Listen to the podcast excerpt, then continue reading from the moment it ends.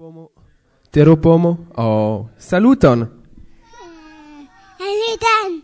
Kiel vi fartas? Bene. Bone? Kiel vi nomigas? Ludivin. Kiel? Ludivin. Oh, kai vi shatas feston? Yes. Yes. Multe? Lila. Kun Lila? Ĉu vi ŝatas danci? Yes. Montru al ni kiel vi dancas. Varsvia vento. Bla bla bla. Kaj nun canto de mia unua albumo, kiu estas anstataŭ letero al eh, cara persono.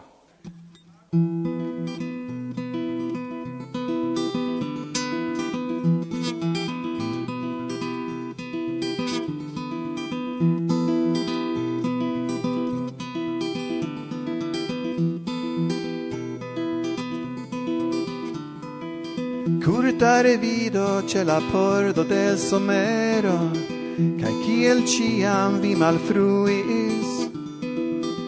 Mi besonis por momento revivigi La revon kiun mi detruis. Ciu vi audas min nun? Mi ne mancas la malcerto, sed min mancas la leĝero Kaj la voce de tene Ciu tage dum la jaroj mi pensare pri vi Ĉu vi anca pensas pri mi plu.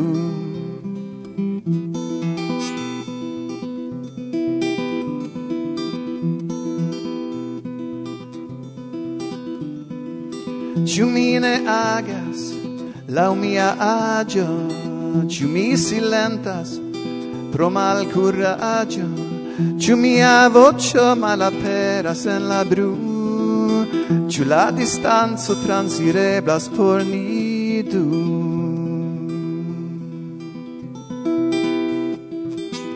Mine mancas la malcerto, sed min mancas la legge, che è la voce de tenere. Ciu tage dum la e mi pensaris pri più di anca pensas pri mi plu Jes mi ripetas min kai elusigis la tem. Se vi pardonis min, ĉu mi pardonos min mem.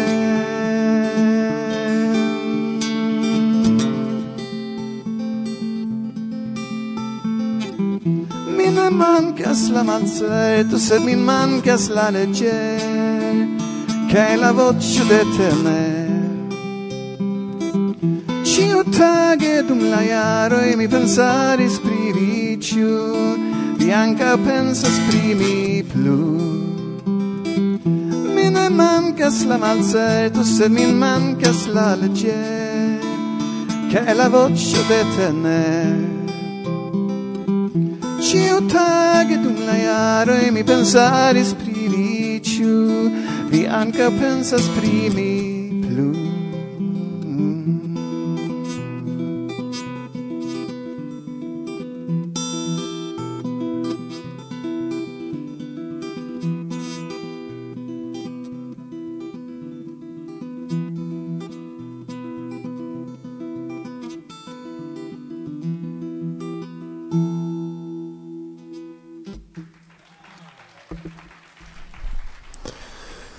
bonega pezzo. Ciu? Eble ne tro nova, sed uh, placas al mi. Ĝuu gin ankaŭ filme. Ligilo en la priskribo, ĉe la titolo. Ĉe la ocaso saluto in al leccio cae Flo, qui multe laboris por festo, dum io mi registris la pezzon, estu profesie preparita kaj etosa. compreneble kompreneble saluton al Martin persone, Eble venis tempo, cara, de nove amicigi kun la plumo kaj gitaro. Pensu pri tio. Saluton, eh, caraj, nun eh, al ciui. En la provizora studio hodiaŭ nur mi, Bartusia, kies voĉon kutime vi aŭdas kun la mia en enkonduko, hejmas nun eh, same kiel la aliaj redakcianoj, malgrau che iliain vocioin vi audus ancora en la programo. Tamen vi scias kio casas se ne unu vorto clarigos cian pandemio. Do, dum ciam duono de la mondo batalas contra la coronavirusa epidemio, reaginte al per amas comunicila al vocoi, portempe ni resignis rencontigi. Nec do la irencontijo i ocasos dum proxima tempo, nec la cursoi de Esperanto, kiujn en la Varsovia filio de la Pola Esperanto Asocio gvidas mi. Sed eh, ne la unuan foion anto microfono mi sola, nesperoni do, che tiu stato ne daurus tro longe cae cio rapide revenos al normalezzo.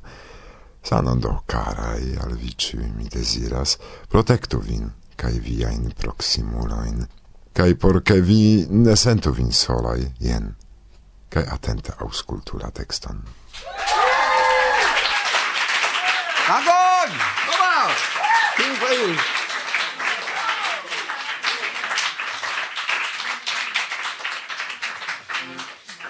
Ok, de tio ango estas canto de amplifigi.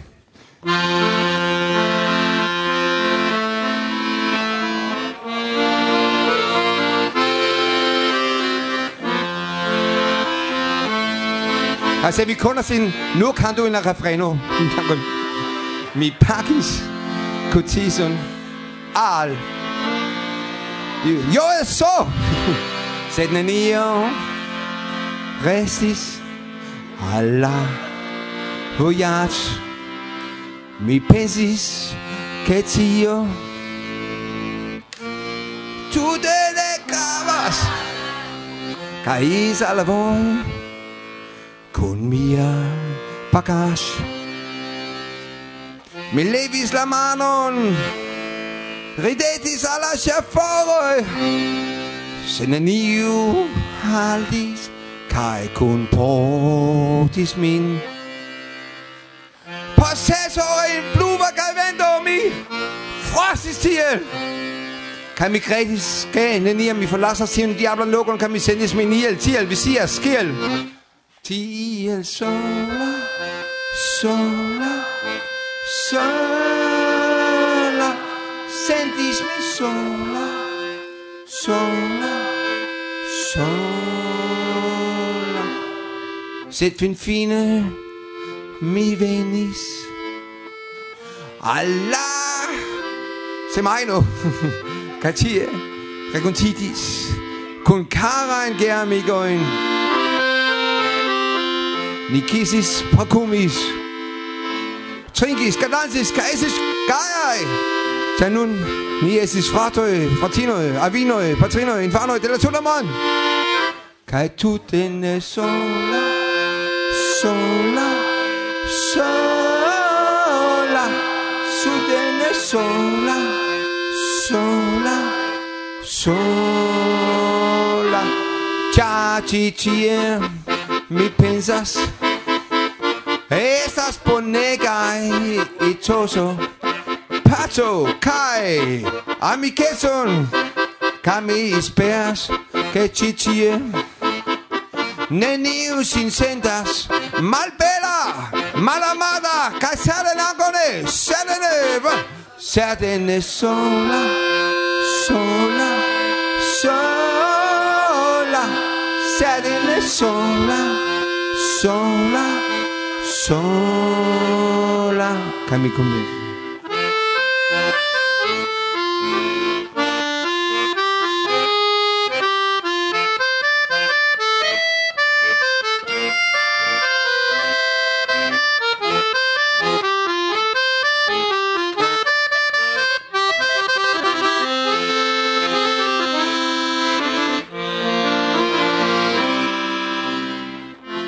forse ni ciui. Vojaĝos hejmen al nia poplaro Tudamon. La tuta mondo kaj kiam mi sidas hejmen kaj benpensa spiller vespero? Mi sentas min mie malĝoja kaj malgaja kaj ankaŭ iomete med dem Iom sola, sola, sola sola, sola, sola, cami comesas plui.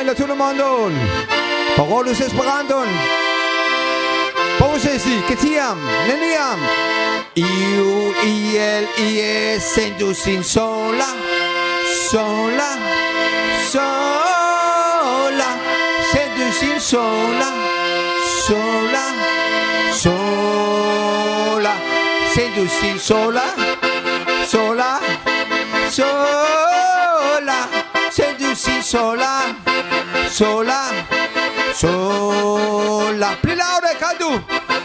Kion? Mi ne aŭdas. Ankaŭ vi malantaŭe.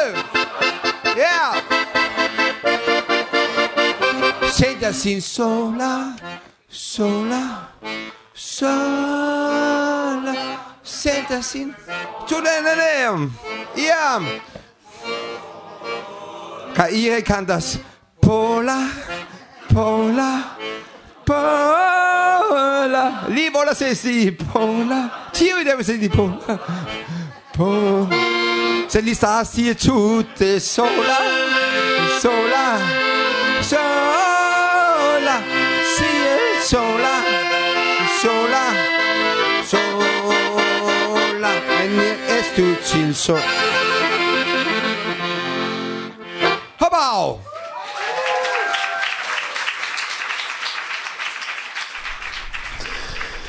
ne prezentos mi kiel kutime kio okazus en la programo ĉio en la priskribo.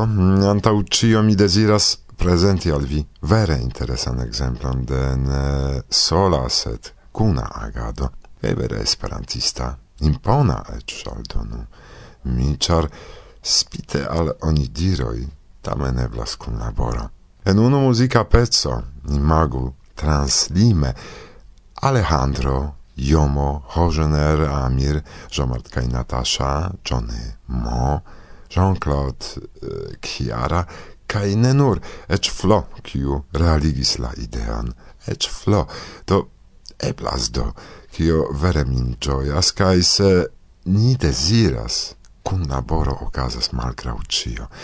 Voĉo el Argentino, Brazilo, Britio, Svedio, Francio, Germanio kai Italio – belege, vere bele. Dankon Alejandro pro tiu ci tre brava ideo. Kai ancau ci case, carai auscultantoi, estas filmeto ligilo apud la titolo. Do, por ne paroli tro multe, char mia vocio eh, hodiau iomete regos en la elsendo, corain saluten al vici, kiu qui audas nun mian vocion, carai geamicoi el Varsovio el Pollando. Bla, bla, bla. Vere grandas distanzo interdirco cae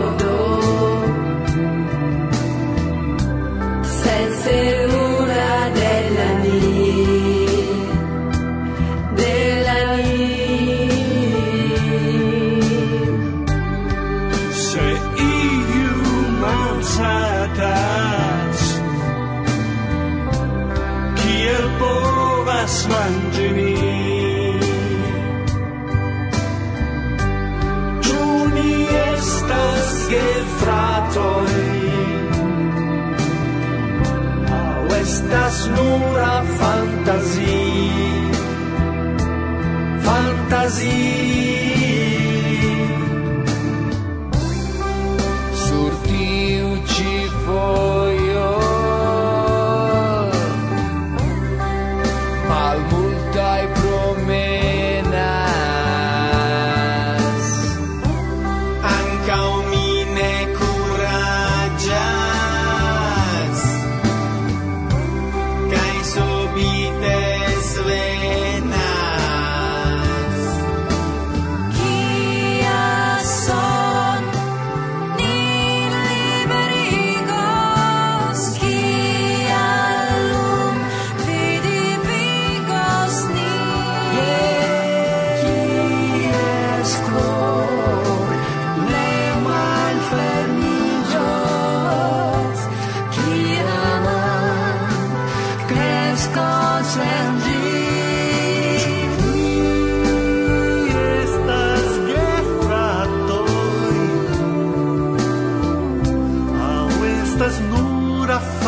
fantasía, fantasía.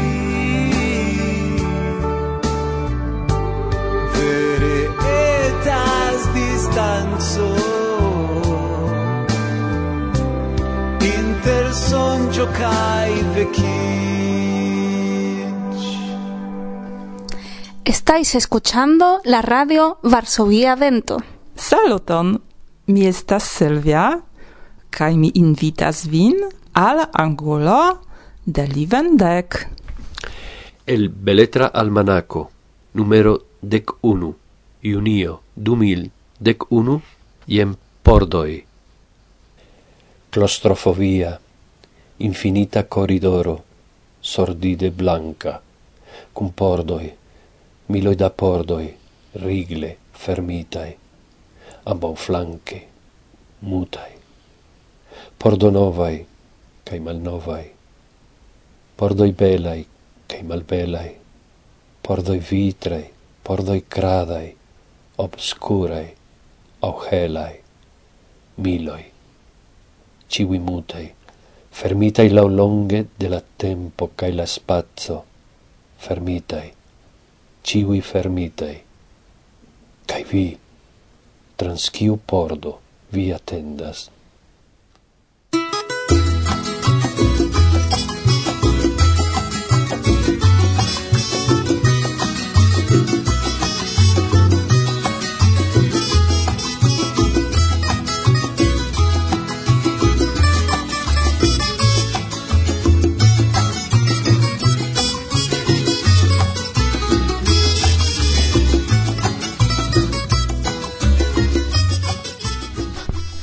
Saluton carai ge auscultantoi, tiui kiui ne reconas min.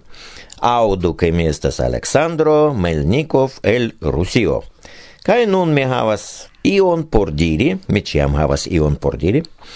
Kai ci foie mi parolos pri tio, ciu estas rilatoj, kai ciu devas esti kai ki ai se devas esti, kai ki ai fakte estas, inter la signifo de vorto kai la formo de vorto. Ĉu devas esti iu coherezo au ne nepre.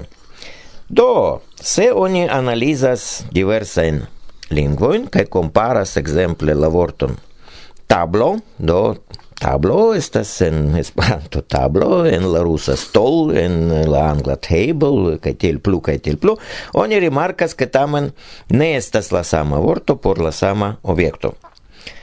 Do unu el la hipotezo estas ke la formo de la vorto ne gravas por la signifo de la vorto. Ĉu estas tiel? Kaj jes, kaj ne. Ekzemple en ĉiuj lingvoj estas tiel nomataj onomatopeoj, estas uh, vortoj kiuj imitas diversajn sonojn. Nu ekzemple kiel krias koko, vir koko tiu vircoco crias depende de la etna lingvo de tiu lando kie vivas tiu coco. Exemple en la rusa ĝi crias kukareku, en la angla cocadoodle, en alia lingvo kokeriko kaj tiel plu. Do la samaj sonoj, sed ĉiu etno perceptas malsame. En Esperanto estas kokeriko.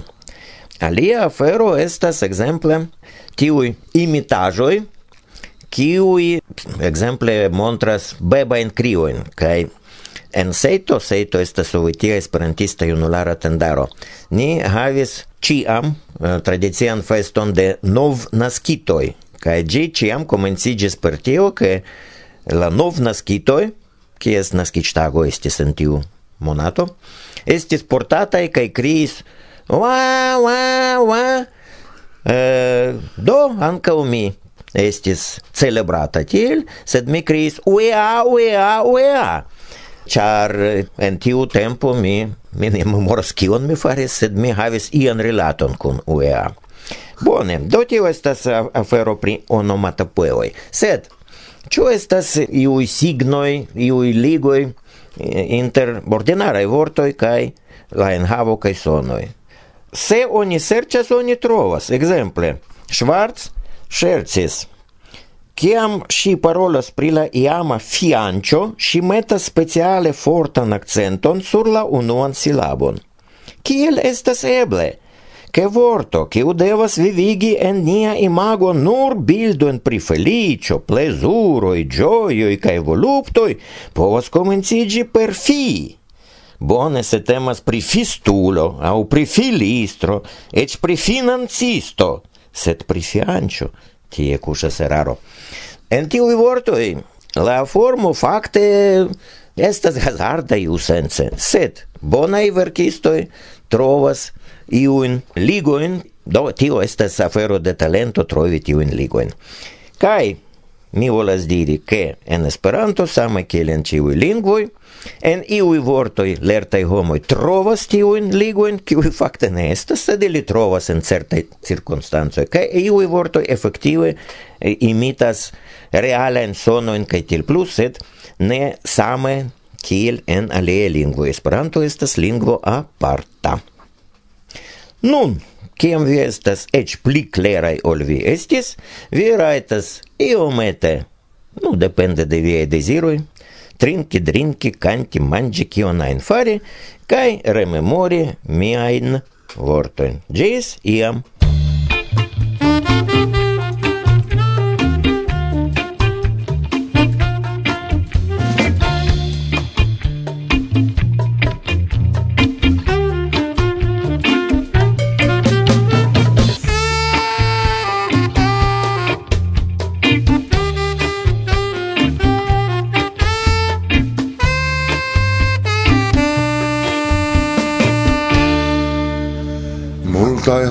credas che la verdai bencoi de bulvarda trotuar. Estas por riposa charma o simple por ornam sed ne estar tiel par ilia ce bon far estas juna par. Doni locon por la varmo de comensam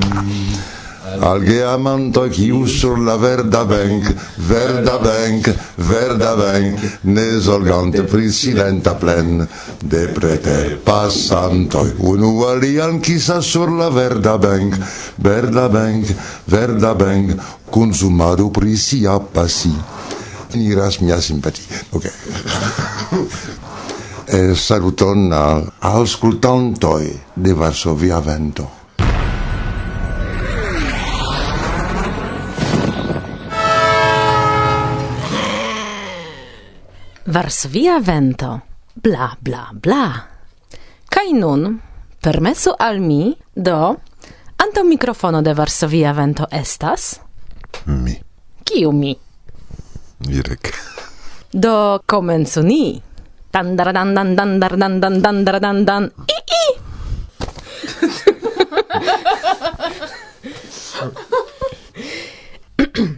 Multajn homojn interviuis vi, sed shaine neniu interviuis vin. Mm. Do mi estis intervjuita, exemple, de Catinio el neexistanta jam Austria Radio Internazia, kiu iam elsendadis regule el Vieno, de Roger Borges podcasto kerno.net. yes. Kaj en kelkaj polaj radio elsendejoj, kiu oni demandis min pri Esperanto kaj pri tio, kion ni faras, do estis calca interviuo dume. Kai ancau en pola esperantisto kai kontakto, ĉu? Mm, estis skribaj, ne parolaj. Sed ankoraŭ en Varsovia vento ne. Ne, en Varsovia vento ne. Ĉu modesteco? Ne, ĉar mi estas ĉefa gvidanto unu el la ĉefaj voĉoj do mem intervjui min estus stulte ŝajne, ĉu? sed sufiĉe multe da ŝatantoj de via voĉo mi konas. Hmm, ankaŭ mi konas ŝatantoj de via voĉo, ĉar vi estas ekde komenco de tiuj ĉi elsendoj, ekde du mil ses. Ĉar marte en du mil ses aperis la unua elsendo de Varsovia Vento kaj kiu estis en la elsendo, do via voĉo ankaŭ estas konata. Ne diru la datojn. do kiel ne rigardi vi fondis la elsendoi. Mi vidis tion. Ču vi contentas pro tio? Kaj vi, ankaŭ vi estas en la redakcio. Ne min mi demandis, sed vin. Ne estus elsendoj, se mi ne contentus. Tute alia afero estas se vi demandus pri contento de la redakcianoj ankaŭ, de vi, kiuj foje plendas pro manko de reagoj. Kaj tio fakte iom frustras inter alie vin. Mm, yes, iom agrable ja estas ne nur senti, sed ankaŭ vidi interesiĝon pri nia penado. Ne plene mi konsentas. Laŭ vido, kial homoj nun ne tiel reagas kiel iam? Eble, czar eh, la esperantistaro alkutimiĝis ricevi ion sen peno kaj sen pago. Neble, ĉar nun estas tro da alternativoj Pro la statisticoi mi scias, che homoi abunde interesigas pri niei programoi, cae tio suficias, almenau por mi. Au eble, cer la programoi nun estas iom aliei ol iam, ne tiel frenezai. Hm, ancau niel elsendoi kiel cio evoluas. Yes? Mi vidas kiel vi montras la auscultantoi, ne? Tio restu secreto. Kio okazas endometo, restu endometo. Kelkfoje mi prelegis pri Varsovia vento kaj mi diris ke ni ne kreis radion por ke ni havu radio elsendojn. Mi instruis gejunulojn, do fakte mia dediĉo estis semi Esperanton en la junulara medio ekde komenco kaj mi bezonis diversajn branĉojn de agado por aktivigi tiujn, kiuj eklernis la lingvon, ĉu Do estis multaj proponoj, inter ili gvidado de nia kluba gazeto, kiu komence nomiĝis raporto de Varsovia Vento, poste estis tornado kaj pli frua ankoraŭ estis de tempo al tempo. Estis instruado kiel organizi esperantistajn eventojn kaj mm, kelkajn eventojn jam ni organizis sufiĉe grandajn konataj kiel agosemajno, kiel junulara Esperanto semajno, tiu jes kiu nun estas. Ankaŭ io kon Zakopane kaj helpis organizi ĝin en eh, Sarajevo kaj en Liberec. Kaj la elsendoj fakte estis unu el la branĉoj ke la junularo post eklerno de Esperanto havu iun taskon ion kio donas al ili ŝancon trovi sin en la movado esperantista. Kaj tia estis fakte komenco. Ĉu nur penso krei ian agado branĉon por eh, lernanta Esperanton junularo estis la ĉefa ideo krei radio elsendejon? Jes kaj ne. Mi estis iom frustrita dum la renkontiĝoj esperantistaj. Mhm. Ĉar homoj ciam plendadis che nenio ocasas en la movado che la culturo malprogresas, che la angla vencas kaj nenio ocasas do celis mi antau cio che la lernanta esperantan junularo havu iun taskon por evolui, sed ancau mi desiris presenti alian mondon, kiel supernova cantas che alia mondo eblas, kai tion ni faris. Um, um, um,